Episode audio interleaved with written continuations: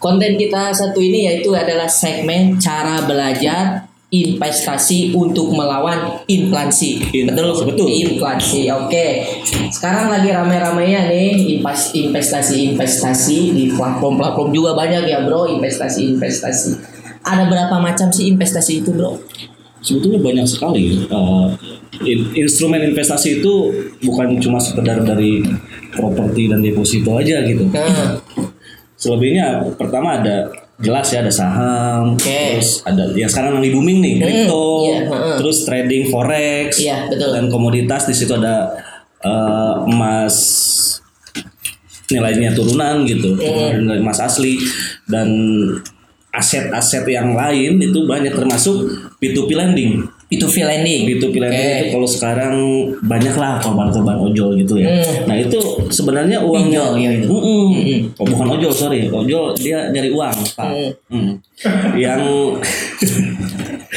P2P lending ini banyak sekali memakan korban terutama pada segmen konsumen ya, Uh, atau bisa dikatakan nasabah ya. Apa? Soalnya uang itu kan berasal dari investor, para investor yang menanamkan uang di perusahaan yang bergerak di P2P, Mm-mm. peminjaman online, uh, dan bunganya yang luar biasa besar gitu. Mm-mm. Oke, berarti banyak sekali jenis-jenis investasi ya. Berarti kita bedah satu-satu ya. Eh, ada investasi properti. Investasi properti itu seperti apa, bro? Properti, ini jelas aset fisik ya. Oke, sih. Uh, Bapak bisa beli tanah, rumah, apartemen, kos-kosan, hotel, atau kos-kosan buat istri kedua, gitu, ya kan?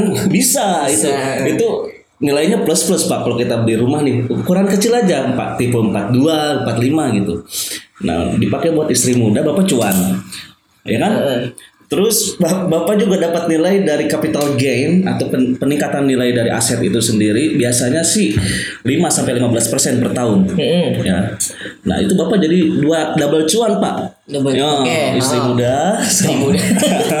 sama peningkatan nilai aset Penilaian Ah. aset itu keunggulan dari properti. Hmm. Kalau eh, dari saham itu, saham itu seperti apa tuh? Lagi rame kan sekarang tuh. Betul. Uh, kebetulan uh, selama tiga tahun ini Mm-mm. uh, investasi saham ya perusahaan maksudnya Ah. perusahaan yang go public itu menampung dana masyarakat para investor untuk Ya. memajukan bisnisnya. Bisnisnya. Uh, banyak sih yang yang perusahaan-perusahaan yang membuka uh, investasi di perusahaan mereka salah satunya ada Gudang Garam, Unilever, uh, BCA di perbankan, Mandiri, BNI, BRI dan masih banyak lagi. Berarti itu TBK ya. TBK betul, Tubruk. Tubruk Ah. terbuka dong. Hati, Pak. TBK bersaham TBK itu minimal itu kita kalau mau investasi itu berapa sih minimal minimal uang yang dikeluarkan Oke. untuk investasi di saham perusahaan itu Nah kebetulan sekarang banyak perusahaan-perusahaan sekuritas yang menyasar kalangan muda ya pak ya, mahasiswa dan di di atas level mahasiswa lah, ya pra menikah. Ah. Di sana banyak perusahaan sekuritas yang membuka minimum deposit itu bisa dari angka sepuluh ribu pak, Hmm, dan itu uh, dengan virtual ya online ya, kira kita depo- depositnya juga secara online. Dan untuk nilai saham sendiri sebenarnya variatif pak, tergantung kinerja perusahaan. Sekarang Unilever yang terakhir saya lihat itu harganya 7 ribuan per lembarnya. Berarti dalam satu kali beli minimum kan 100 lembar pak. 100 lembar itu satu lot. Istilahnya itu satu lot ya. Berarti 7 ribu kali 100. 700 ribu dengan uang 700 ribu kita sudah sebagai pemilik perusahaan, Perusahaan. Unilever. Unilever. Ah. Oh, mantep tuh. Mahal mie ayam ya daripada saham. betul. Padahal mie ayam harganya 15.000 ribu, 10 ribu, sama cuma 7 ribu. Hmm, dan dimakan keluar lagi Keluar lagi. ayam. kalau saham kan bisa ada return yang lumayan gitu pak Hmm. selain dari capital gain peningkatan nilai Hmm. kita juga ada beberapa perusahaan yang memang menyebar dividen atau bagi hasil ke Iya. investor Hmm. Ah, ada yang dimulai dari eh, satu persen dua persen dan seterusnya itu tergantung kinerja perusahaan di periode tertentu gitu Betul. pak dan pembagian dividen ini macam-macam pak ada yang satu tahun satu kali ada yang satu tahun dua kali cuma sayangnya nggak ada yang 10 yang 10 kali dalam satu tahun pak Oh, nggak ada? nggak ada bangkrut nanti pak Oh, gitu ya. Kalau itu keenakan kita ya. iya pak Kita duduk doang dapat duit. Oh. Eh, itu soal berarti perusahaan eh, saham ya saham perusahaan yang pasti yang yang TBK dong ya. Betul. Berarti dimulai dari minimal itu tujuh ribuan ya, tujuh ribuan tuh. Ada yang lebih murah lagi sebetulnya Pak di di terutama saham-saham yang perusahaan-perusahaan yang baru IPO ya IPO itu baru go public Pak di situ saham bisa di bawah 100 perak per lembar Pak Oke. Hmm, dan itu masa sih kita nggak bisa investasi 100 perak per lembar gitu kan. Dan uang jajan kita yang rata-rata 100 ribu per hari ya kan? Iya, bensin makan ngublak enggak pak sorry. Lucu ya. kebiasaan apa pak? Oh, maaf, saya, sekarang udah insaf pak. Dan lain sebagainya itu bisa sebetulnya kalau kita mendisiplinkan dan kita punya money management system pak. Oke, mani- money management system berarti pengelolaan keuangan. Betul. Heeh. Jadi sebenarnya sekarang itu ya dimudahkan ya. Sekarang banyak tuh platform seperti Ajaib, Dinaran, bibi Bibit dan, dan lain sebagainya. Sekarang kan anak-anak sekolah tuh daripada beli mie ayam mahal-mahal beli seblak nih si Hindah buat investasi kan lumayan tuh. terutama buat anak-anak cowok yang pacaran ya pak ya yang pacaran kan Ya, sekali kalau- pacaran kan minimum kan ngeluarin uang 150 ribu pak ya, buat jajan buat segala macam mending pacarnya buat saya masnya investasi Ya, gitu betul. kan Kesian dong. oh iya cuan itu pak Cuan. Oke, berarti selesai dari saham perusahaan. Mm-mm. Kita ke ada reksadana tuh. How to reksadana, bro? reksadana is uh, our money Oke, dikelola oleh manajer investasi atau MI namanya MI. Hmm. Ah. MI ya, MI. Madrasah Ibtidaiyah. Oh, banyak di Banjar ya, swasta ada, negeri ada, Pak. Nah, di reksadana ini sendiri kita sebetulnya lebih low risk ya, kalau istilahnya. Apa? Low? Low risk, Low jadi risk. minim resiko. Oh, minim Ah, resiko. Oke. Tapi berbanding lurus dengan return ya Pak, low risk, low return ya. Tapi better sih dibanding deposito. Oke. Ya eh, bunganya itu lebih besar dibanding deposito. Eh, ada yang mencapai 8% bahkan ada yang belasan persen Pak. Reksadana reksadana iya tak terus tipe-tipe reksadana juga ada ada reksadana saham nah reksadana saham ini si manajer investasi mengelolakan uang kita ke saham-saham yang tubruk itu pak Hmm, TBK. Hmm, jadi si manajer investasi itu meng- menganalisa menganalisa saham apa perusahaan-perusahaan yang kinerjanya baik pak Hah? Nah, kalau dirasa baik oleh si MI itu, MI itu, nah uang kita diteruskan oleh dia ke perusahaan yang bersangkutan gitu seperti itu. Tapi saya nggak tahu benar Pak. Ah, Oke. Kameramen tolong korek. Berarti itu reksadana ya. Reksadana. Hmm. Minimal reksadana itu biasanya kalau itu berapa asetnya untuk ditabungkan maninya itu uangnya? Reksadana sebetulnya hampir mirip ya Pak dengan saham. Kita bisa analisa sendiri. Eh, cuman yang membedakan dari reksadana dan saham itu kita lebih risk saja ya dan minimum depositnya itu sama seperti saham bisa 100 ribu. Hmm, bisa. Hmm. Tapi ya itu return yang didapat nggak sebesar di saham. di saham. Betul. Hmm. Kalau reksadana ya cocoknya untuk pemula pak. Untuk pemula. Hmm, misalkan anak-anak SMA yang udah punya KTP ya, Heeh. dan punya rekening, terus mahasiswa itu cocok banget buat pemula. Walaupun kita sekarang pada umur berapa tahun? 25. 25. Walaupun pada umur 25 dan mau memulai investasi, saya lebih prefer ke reksadana. Reksadana, Ah, oke. Karena reksadana nggak bikin sport jantung pak. Jantung Mm-mm. lebih aman ya, main Lebih aman, ya. aman, Betul. Oke, berarti reksadana juga tidak jauh berbeda. Berarti eh, dengan uang 100.000 ribu juga sudah bisa. Betul. Terus eh, resikonya lebih minim. Lebih kecil. Oke, lebih kecil. Menghindari dari serangan jantung. Betul. Banyak yang mati muda Nah, soalnya. Oke, Pak. muda. Eh, Oke, berarti selesai reksadana. Ada lagi Mas nih, Mas juga lagi rame nih. Pegadaian juga kan ada tabungan Betul, Mas betul, sekarang. betul. Gimana itu Mas tuh sekarang? Mantap Mbak tuh. Sema saya boleh nyalain rokok pak? Oh boleh. Nah, saya boleh ngopi dulu pak. Minta Oh. kopi dikit pak. Oh boleh. Saya CFP lagi keren pak. Join us. Kopin, kopin. Aman. Dari swab. Steril. Eh, Steril swab dong. Oke. Ini plasmil ya pak? Pak dia rokoknya ya? Eh, Us, saya sama Us sama Pasmil is today is everything for smoker. Good. The will be it is okay. gitu ya. Aduh, saya kalau lagi ngonten suka jadi pinter gitu, jadi ngedadak bisa bahasa Inggris. Iya bapak, mantap itu pak. Oke, kembali lagi emas. Sekarang emas kan lagi rame tuh. Ada juga yang si bosman tuh ngeluarin dinaran. Oh, Dia itu actionnya itu jadi eh, emas sekarang lagi menyerang bank katanya.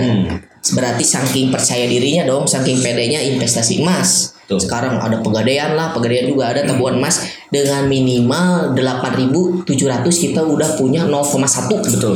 Sama sekarang eh, maksudnya investasi itu dimudahkan lah, murah lah. Sekarang itu gimana itu emas? Investasi emas. Emas ini tergolong investasi yang konvensional ya. Pak. Ini bahkan sejak eh, sudah ada sejak ribuan tahun lalu pak. Bahkan dulu transaksi kita khususnya di Timur Tengah ya kita menggunakan apa namanya dinar. Dinar. Ah, dinar itu kan koin Bukan, itu mah beda lagi. Kameramen. Kameramen tolong dulu jangan bahas dinar candy pak.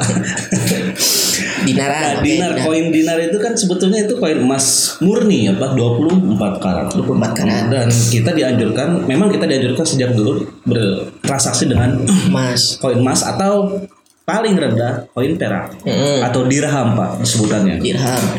Nah, untuk emas sekarang kembali booming, uh, bahkan harganya pernah mencapai puncak di 2020, Agustus 2020, harganya sekitar 2000-an, 2000-an US dollar Oke. per troy ounce. Per try on. Tron, troy ounce itu kalau di gram 31,1 gram.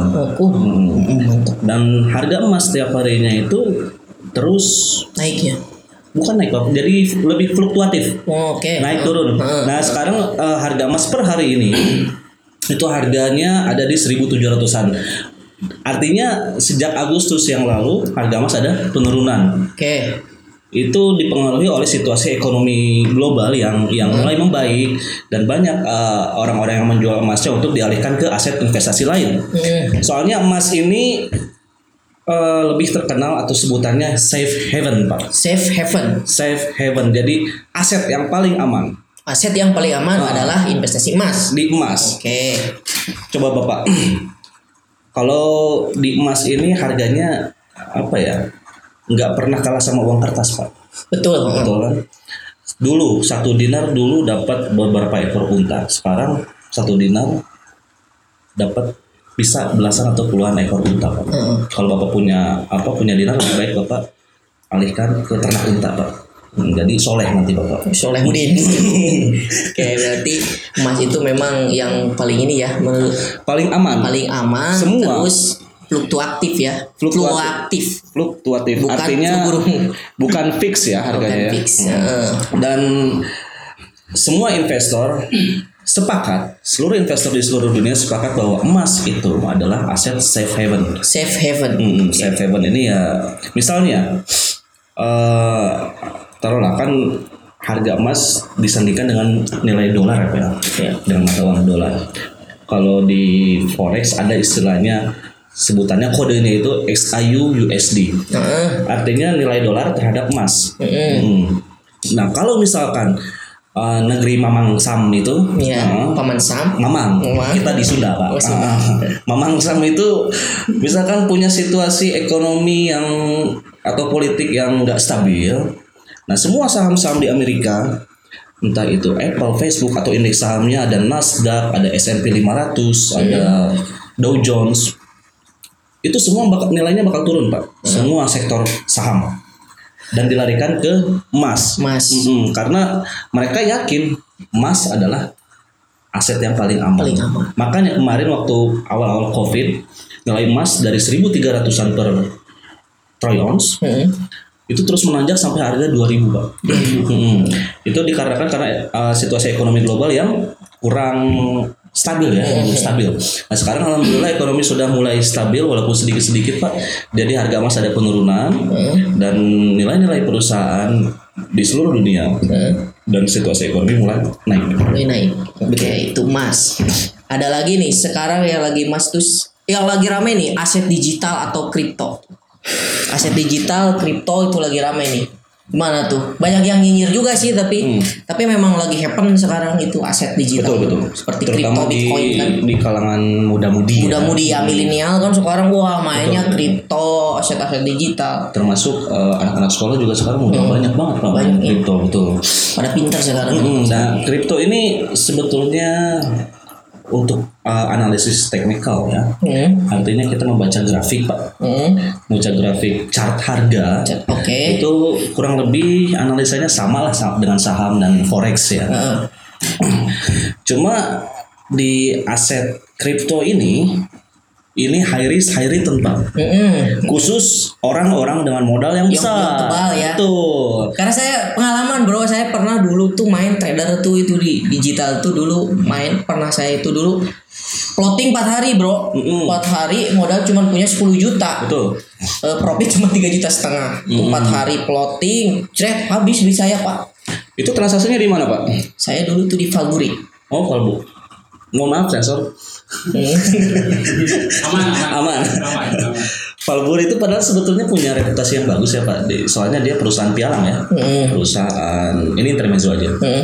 Yang bermasalah cuma marketingnya aja. Marketing, atau brokernya aja. Jadi gini dulu ketika saya datang ke kantornya langsung, saya tanya brokernya, marketingnya, ternyata orang baru dan waktu itu kliennya, konsumennya baru saya. Oh. Itu yang saya salah. Berarti Pak Dea ini kelinci percobaan ya. Kelinci percobaan untuk belajar marketing baru. Ya, no problem Pak. Jadi di situ kita bisa ambil pelajaran dan sebelum masuk ke ranah investasi kita harus menyiapkan bekal Pak. Mm. Terutama investasi di sini Pak, di kepala Pak, IQ. sama di sini. Iya. Nah, karena kalau kita nggak punya ini sama ini berantakan investasi itu pasti. Nah, kita kembali ke apa? Kripto ya. Kripto cara meminami- meminimalisirnya seperti apa itu? Cara meminimalisir resiko Karena sebetulnya risikonya kan betul besar sekali. besar sekali. Saya pengalamin soalnya. Betul. high risk, high return. Dan setiap trader atau setiap investor seharusnya punya manajemen risiko. Saya sendiri kalau misalnya trading atau investasi itu menerapkan eh, risiko paling besar 30% dari modal. Paling besar. Dan rata-ratanya saya bisa 10 sampai 20 persen risikonya per transaksi. Per transaksi. Itu kalau trading ya. Kalau investasi kan eh, kita nggak nggak jual beli. Jadi kita sekali beli dan dengan tempo beberapa tahun kita bisa jual di harga atas. Ter- tergantung rencana keuangan kita, Pak. Misalnya Pak Dea ini mau beli rumah dalam lima tahun ke depan seharga satu miliar. Oke. Hmm. Dan di investasi yang bisa mensupport itu se- se- sebetulnya semua instrumen investasi bisa mensupport ya Pak, ya, tergantung nilai returnnya. Mm. Berarti Pak Dia tinggal kalkulasi itu berapa per bulan yang harus saya investasikan untuk mendapatkan 5 mili- 1 miliar di lima tahun mendatang. Mm. Seperti itu Pak. Yaitu ada rumusnya sebetulnya dan saya nggak mungkin jelaskan di sini karena durasinya terlalu panjang Pak. Hmm. Se- Sekilas saja rumusnya, sekilas. Sekilas misalnya li- lima tahun itu eh iya dalam lima tahun ada berapa bulan Pak? 12, 12 kali bulan. 5 12 kali 5 berapa? 12 kali 5 berapa? 60 60. 60 bulan berarti per bulannya itu harus minimum 10 jutaan lah. Per bulan. Hmm, eh 60 bulan ya? Mm. Berarti 5 5 tahun bagi 60 berarti ya sekitar 10 sampai 20 jutaan per bulan. Hmm.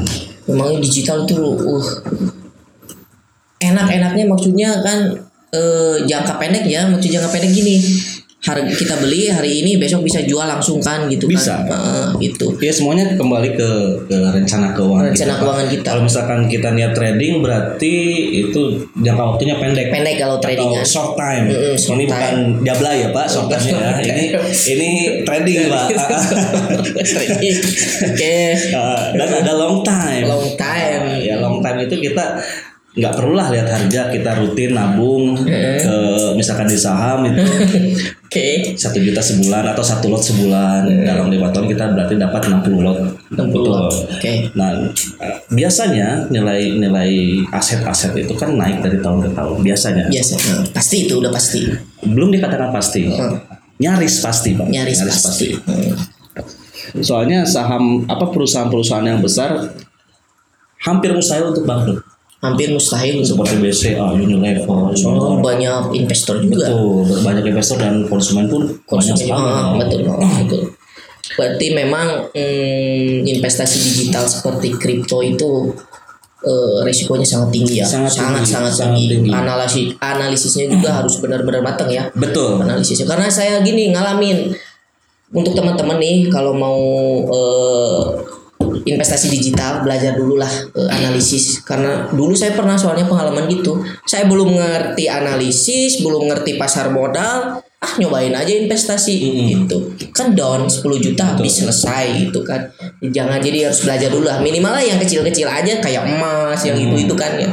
Lebih lebih safe kan lebih safe oke selesai berarti aset digital kripto ya nah ini yang paling ini biasanya ibu-ibu nih bapak-bapak di kampung tuh biasanya deposito Ke perbankan. nah lebih ke perbankan gimana tuh deposito Deposito sebetulnya hampir ya, hampir selaras dengan inflasi, Pak. Mm-mm. Banyak banyak CFP yang yang sangat tidak menyarankan deposito, walaupun masih tergolong baik ya, Pak ya. Mm-mm. Karena bunga dari deposito sendiri cenderung kecil kecil, betul. Ada yang dan yang yang paling besar itu sekitar 7 atau 8 persen, Pak. Paling besar. paling besar return per tahunnya bunga per Ah. tahun sedangkan inflasi kan bisa 1,5 eh 2,5 sampai 3 persen per tahun Oke. inflasinya kalau kalau kayak gitu sama saja kita apa ya merencanakan bu ini sorry ya ini bukan ini disclaimer on ya ini merencanakan kemiskinan kalau deposito saya eh, sangat tidak prefer memang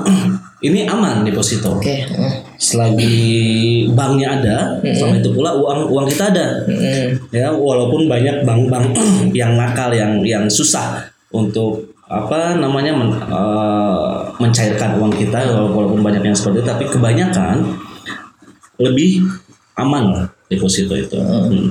untuk ya para ibu-ibu bapak-bapak itu lebih menyehatkan jantung pak. Jantung. Hmm, dan- cuman nilai bunganya lebih kecil. Lebih kecil walaupun memang aman kita tahu biar saja misalkan taruh 100 juta kita dapat 5 juta per tahun. Eh, cuma lama ya jangka. Lama, betul. soalnya kan bunganya kecil. Mm-mm. Oke deposito terakhir nih P2P nah lagi rame juga nih P2P nih. Wah banyak tuh teman-teman saya yang bermasalah P2P itu gimana itu? P2P lending ya iya P2P lending P2P itu P2P lending P2P lending ini sendiri sebetulnya oh yang tadi kita mention di awal ya ya kita menyimpan uang di perusahaan peminjaman. Mm-mm. kayak misalnya pinjol-pinjol yang marak sekarang nih. Mm-mm. laku terus easy cash apalagi ya?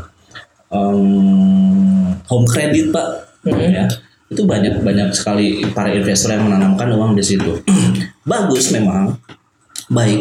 Eh, karena kebanyakan eh, si perusahaan yang menampung dana investor ini si perusahaan pinjol ini bertanggung jawab atas uang investor gitu. Kalau misalkan ada nasabah yang gagal bayar maka di cover oleh asuransi pak biasanya. Eh, dan as- asura- perusahaan asuransi yang mengeluarkan kerugian itu sendiri gitu. Dan diteruskan kepada investor. Jika investor itu mau menarik dananya. Oke. Seperti itu. Dan eh, terminnya atau waktunya itu macam-macam pada tiga bulan enam bulan satu tahun. Gitu. itu returnnya macam-macam. Saya nggak bisa sebutkan karena saya juga kurang kurang apa ya belum pernah mempelajari P2P lending secara mendalam. Jadi untuk dirata-ratakan itu sekitar 8 persen. 8 persen. P2 P2P P2P lending P, Oh. P2P P2P kan? Soalnya gini sekarang kan ah, banyak tuh yang investasi investasi tapi nggak ngerti apa segala macam. Nih buat teman-teman kalau mau investasi nih datang langsung ke sini konsultasi di sini. Ya kan bro? Dia di- dulu itu di Bandung itu menangani klien-klien yang berinvestasi besar ya bro ya?